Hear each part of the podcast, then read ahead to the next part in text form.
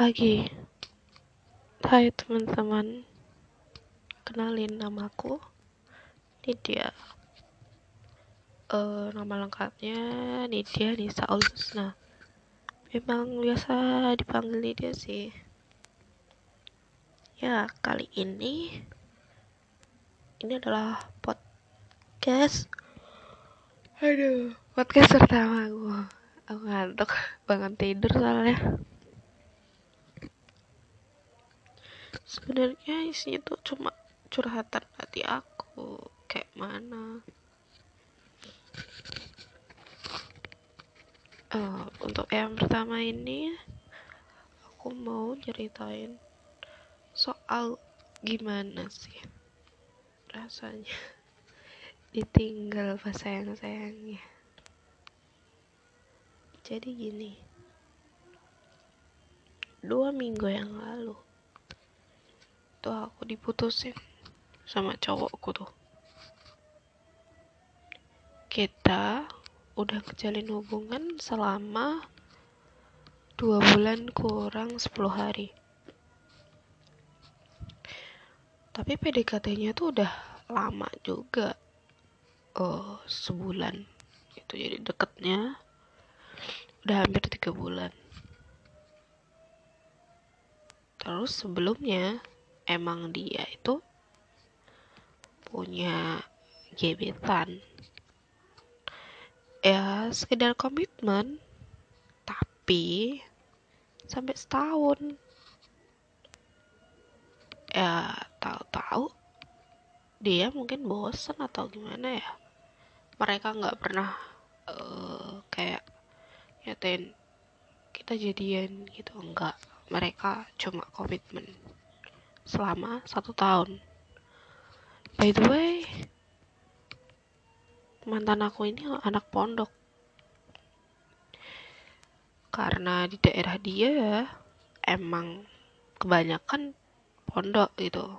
Terus si ceweknya juga anak pondok.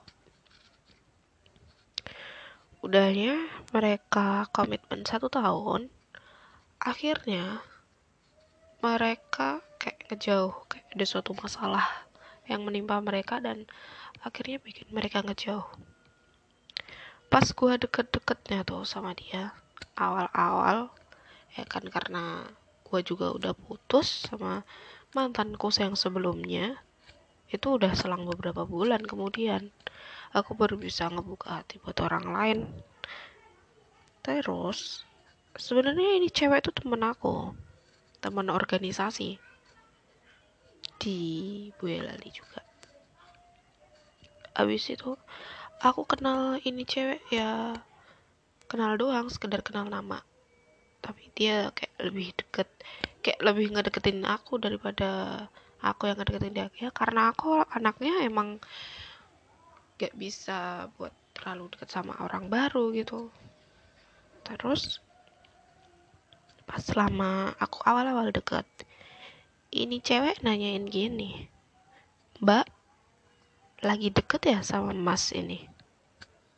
Ya aku jawab lah ya enggak cuma temen aku bilang gitu. Ya emang bener-bener pas itu pure temen. Udah ya ternyata aku baru tahu kalau mereka tuh komitmen. Setelah aku udah terlanjur setengah baper sama dia sama ini cowok aku suruh milih kan tuh. Ya udah sekarang gini aja. Kamu mau milih siapa? Mumpung aku belum beneran baper nih. Aku bilang apa adanya dong sama itu cowok. Eh dia tuh kayak mikir lama banget ini gua mau sama siapa? Kebetulan waktu berantem itu kita nggak ketemu. Dia lagi kerja di Jawa Timur aku di Boyolali. Virtual tiap hari berantem selama tiga hari tuh. Cuma mempermasalahkan hal kayak gitu doang. Ya udah kan.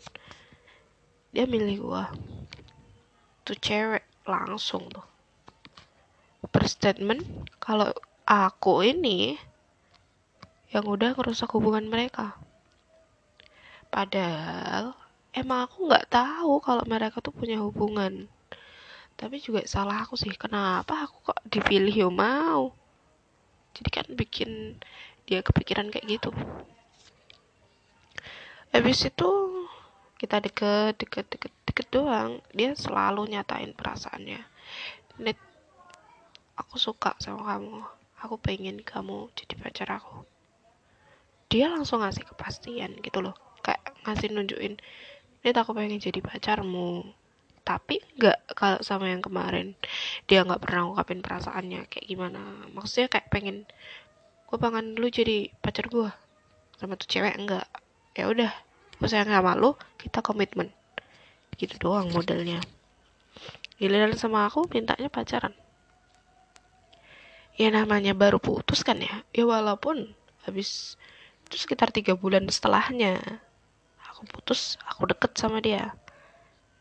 Kebetulan pas itu aku deket tuh sama beberapa orang. Pertama anak kuliahan tuh udah semester 4 di UMS dia jurusan ilmu komunikasi. Kebetulan orangnya gondrong. Aku ketemu di Tinder tuh bela-belain potong rambut rapi. Buat datang ke rumah ketemu aku mama bapak ya sekedar ketemu main. Aku lebih milih orang yang deket ketimbang dia yang mungkin lebih ngertiin aku sekarang. Karena emang bener-bener dia tuh lebih dewasa lebih ngasih aku saran. Kayak dia better lah gitu. Terus yang kedua ada tuh dari Tinder juga. Kebetulan rumahnya deket dari rumah aku. Tapi otaknya agak mesum gitu. Ya padahal tuh dia juga jebolan pondok bapaknya sesepuh di daerahnya kayak sejenis kiai gitulah. Tapi yang namanya otak kan juga nggak ada yang tahu. Habis itu yang satu yang terakhir teman aku sendiri teman SMP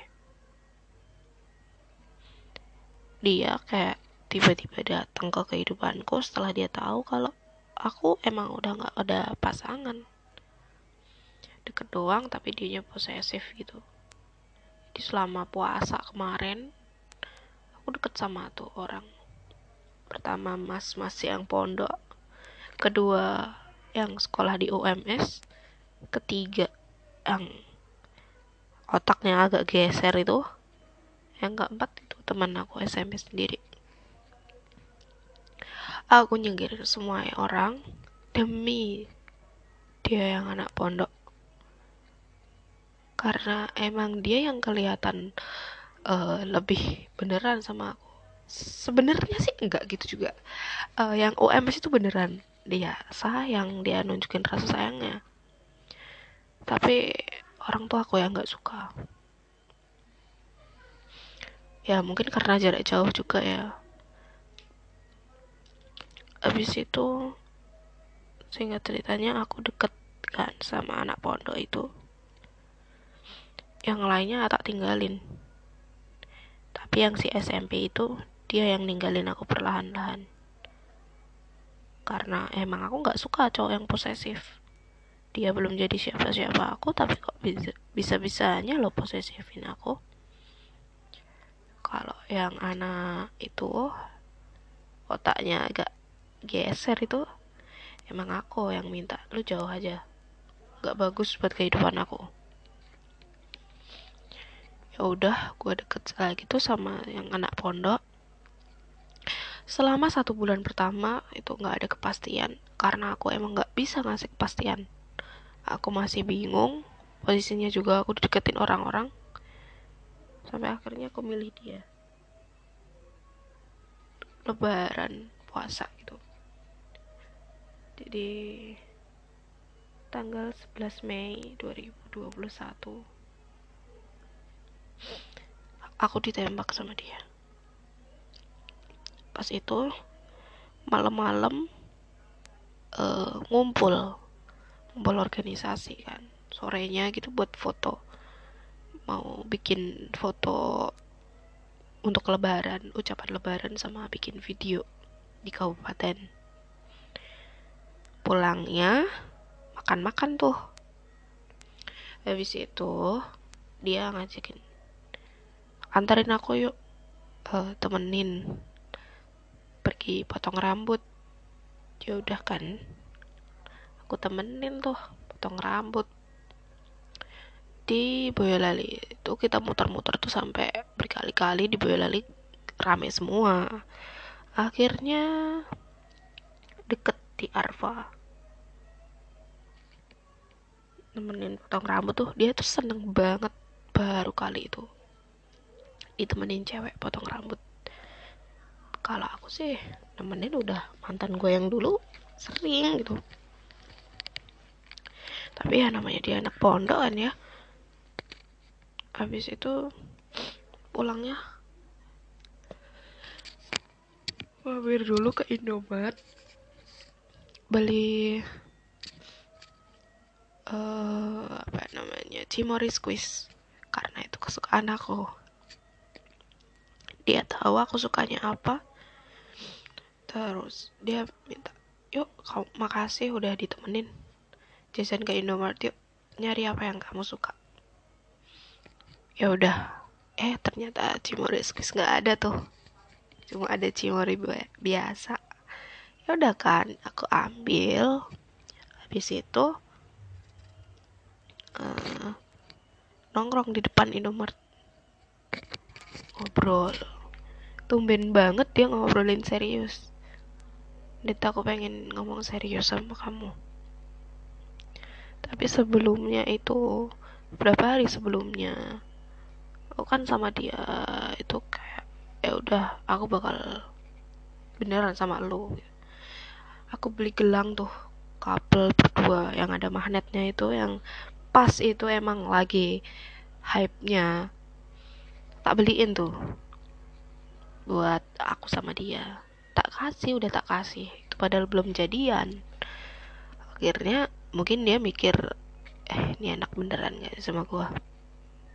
Gua ditembak tuh di depan Indomaret. Masya Allah. Kayak seakan-akan dia emang bener-bener buat aku gitu. Meyakinkan banget. Ya udah singkatnya aku terima serasa malam itu tuh dunia milik berdua. Udah aku diantar pulang. Seneng banget rasanya. Tiap hari aku diseneng-senengin. Nggak pernah tuh yang namanya berantem sampai berhari-hari. Berantem masalah gede aku dimarahin aku dicuekin. Itu tuh jarang banget terjadi selama dua bulan kurang 10 hari. Kayak ngerasa indah banget rasanya. Setelah itu tanggal 13 lebaran. Tanggal 14 dia main ke rumah lebaran kedua tuh. Pergi suan ke rumah. Jajan. Aku pengen boba time dia baik banget. Kan pakai jilbab. Kebetulan rambutnya itu kelihatan dikit sini ayang. Aku benerin rambutnya kelihatan tuh. Posisinya itu di debu time rame bener-bener rame banyak orang. Dia kayak gitu aku ya Allah ini anak kagak malu. Kagak malu maksudnya nggak malu ngakuin aku uh, pacarnya depan umum. Dia oh begitu? Sampai dilihatin orang orangnya senyum-senyum masya Allah. Aku nggak pernah ngerasain hal yang kayak gitu terus udah pulang. Dia kayak nunjukin rasa sayangnya yang bener-bener sayang sama aku. Terus beberapa minggu kemudian sekitar uh, dua minggu dua minggu aku pacaran sama dia aku pergi operasi. Pas itu mama lagi di Jakarta. Jadi aku cuma di rumah sama bapak berdua kebetulan kakak aku itu kena covid satu keluarga. Jadi emang mereka isolasi mandiri sedangkan aku hari itu ku kuliah kan. Hari itu aku operasi. Nggak ada yang nunggu cuma ada bapak aku sama adik bapak. Siangnya aku operasi yang harusnya dijadwalkan jam 2 maju jadi jam 1 dia belum datang karena dia taunya jam 2 aku operasinya. Dia datang karena dia juga ada kerjaan. Ya udah. Dia datang jam setengah dua setelah aku masuk ke ruang operasi. Walaupun tindakannya tuh sekitar jam setengah dua juga. Tapi dia nggak tahu aku kalau aku udah dibawa ke ruang operasi. Ya udah akhirnya dia nunggu di dekat ruang operasi. Sampai aku tuh kebangun aku sadar aku jadi masih di ruang operasi tuh aku udah sadar ngerasain sakitnya gimana. Obat biusnya yang udah habis. Sakit banget rasanya. Aku didorong sama perawatnya. Dia ikutan ngedorong. Aku nggak ngerti itu dia itu siapa. Kalau nggak dibilangin sama adiknya bapak jadi dia nungguin aku selama sakit dia nganterin aku kontrol dia nganterin aku beli makan. Semua dia. Karena pas itu emang aku nggak bisa naik motor uh, bapak juga kerja jadi aku di rumah sendiri. Apa apa sendiri. Sampai rumah itu nggak keurus.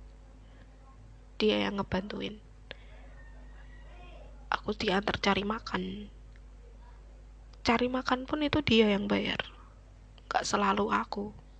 Jadi mungkin dia dua kali hari dua kali beliin aku makan. Besoknya tuh baru aku. Dia selalu nolak kalau aku yang bayarin. Karena ngerasa ya cowok harusnya nggak nyenengin pasangannya. Ya walaupun aku tuh tahu aku emang bukan pasangan hidupnya sekedar pacar kamu. Tapi dia nunjukin rasa sayangnya dia dengan kayak gitu bahagia banget rasanya. Ke mana-mana dia yang nganter. Pakai motor dia makan dibayarin. Selalu ada buat aku. Setiap malam ditemenin video call. Sampai aku ketiduran. Bener-bener nunggu aku sampai tidur baru dimatiin. Pernah waktu itu aku pura-pura tidur. Eh ketahuan dah.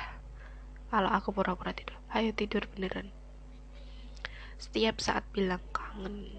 Setiap saat bilang aku cinta sama kamu net gini gini. Jadi tuh dia lebih bucin dari aku.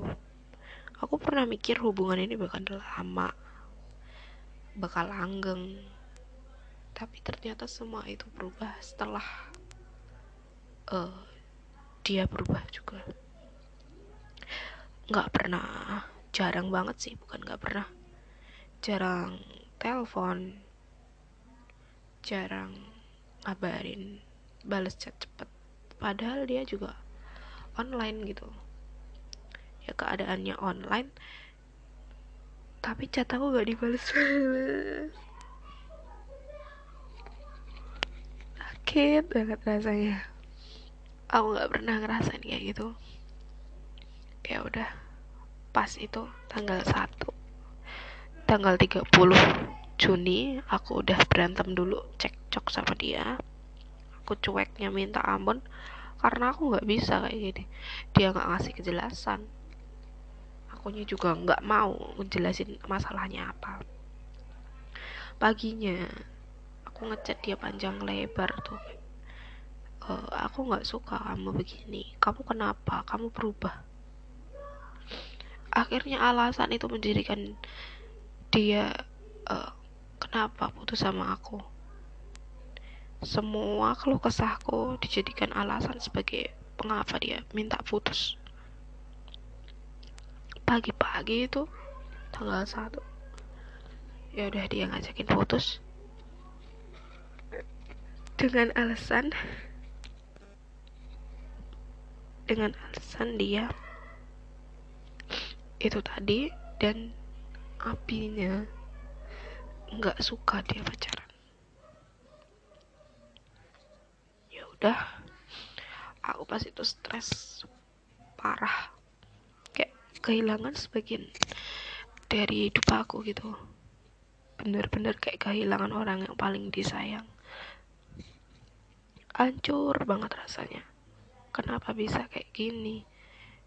Jadi bener-bener pure masalahnya bukan perselingkuhan bukan apa itu cuma kayak gitu pertama. Sudah tuh empat lima hari kemudian aku sakit. Mungkin kalau deteksi covid aku kena covid. Karena pas itu aku panas tinggi sampai 38,5 batuk pilek semua badan aku sakit. Selama tiga hari itu kayak gitu terus. Kagak turun-turun nyari obat susah flutamol dexamethasone Bicom Z kayak gitu di uh, apotek-apotek habis semua. Sudahnya sampai akhir pas itu posisinya aku udah putus sama dia seakan-akan gini aku lagi sakit gak ada yang merhatiin.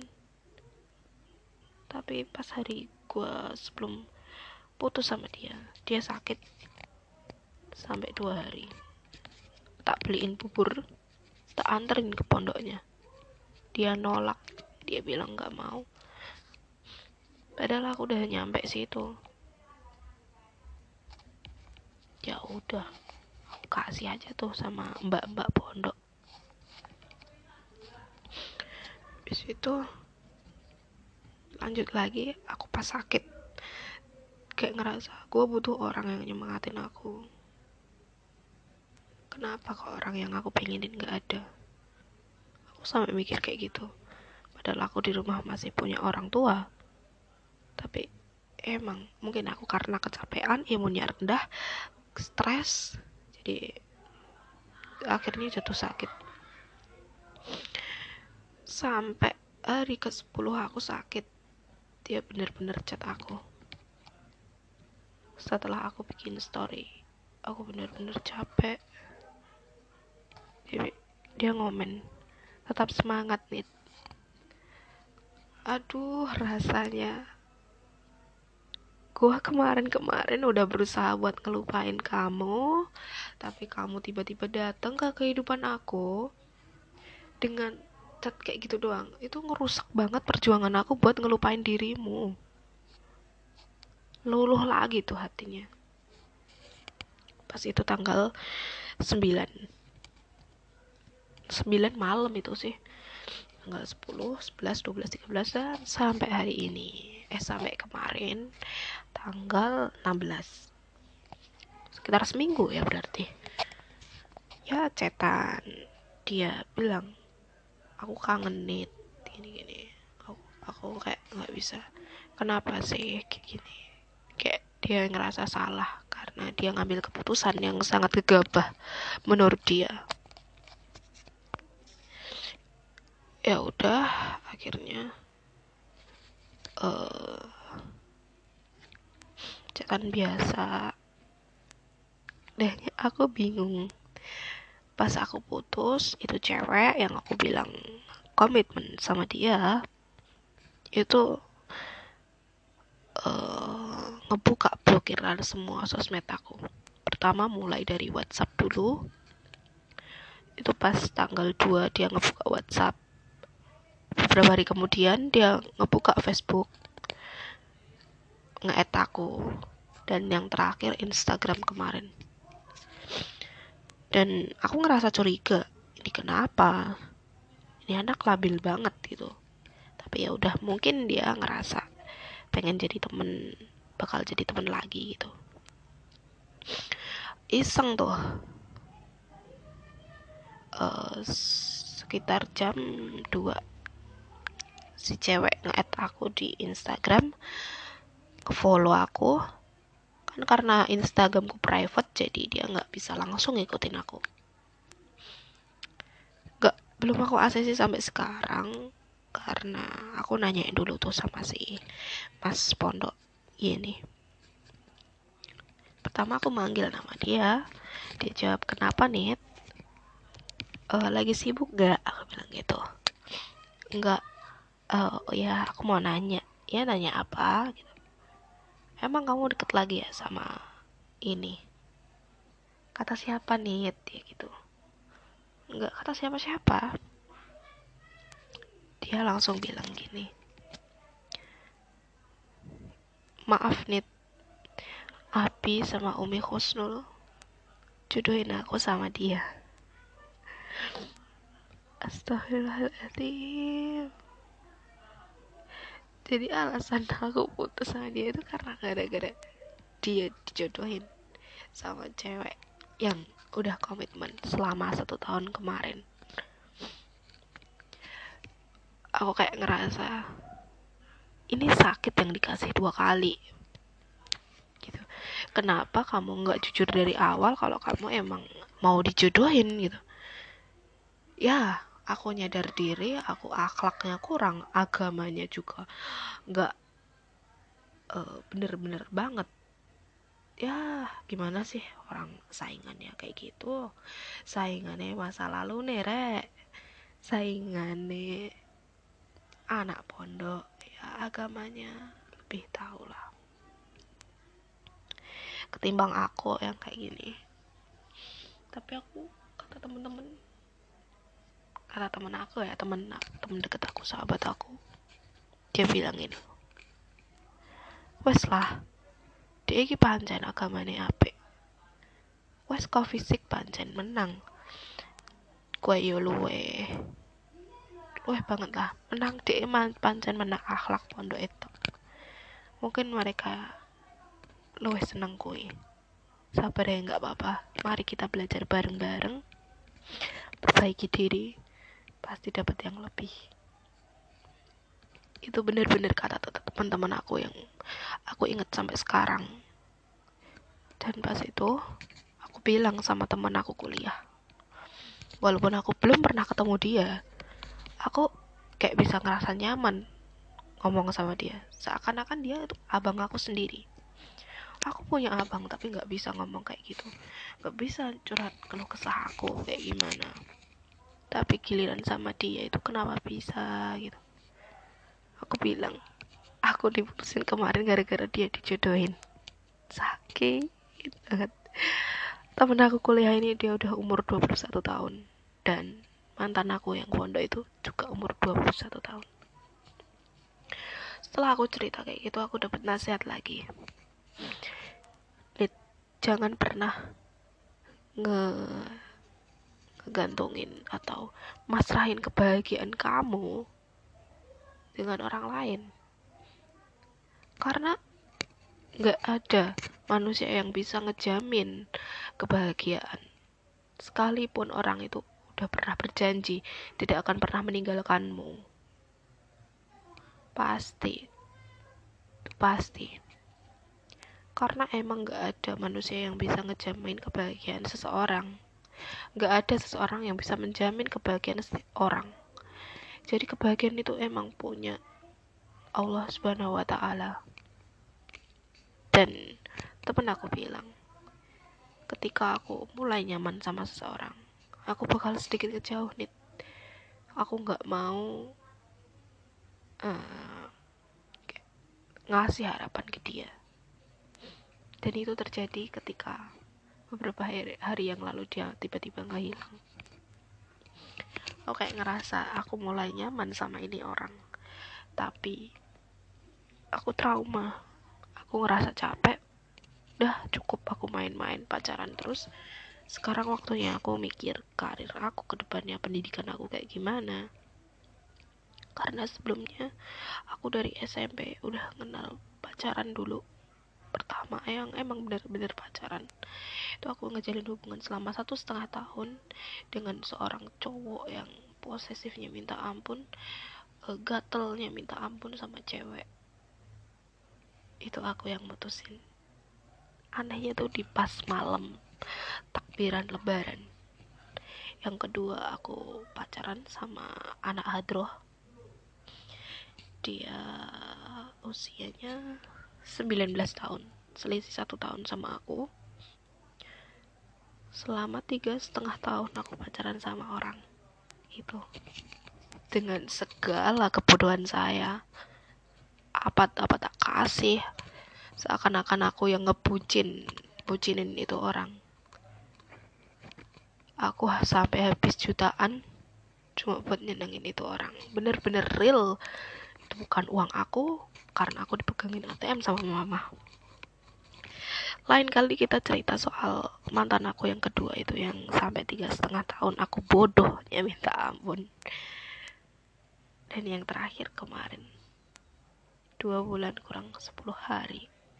Yang emang bener-bener sakitnya minta ampun karena aku udah terlanjur bucin minta ampun sama dia.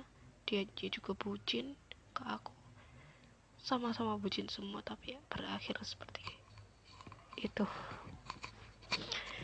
Semoga podcast kali ini bisa diambil hikmahnya buat teman-teman semua. Maaf apabila ada salah kata yang atau perkataan saya yang menyinggung hati kalian semua tetap jaga kesehatan kesehatan apa pun itu mental fisik dan lain-lain apalagi pikiran Tetap di rumah aja, jangan lupa pakai masker dan taati protokol kesehatan. Sampai jumpa semuanya. Have a nice day.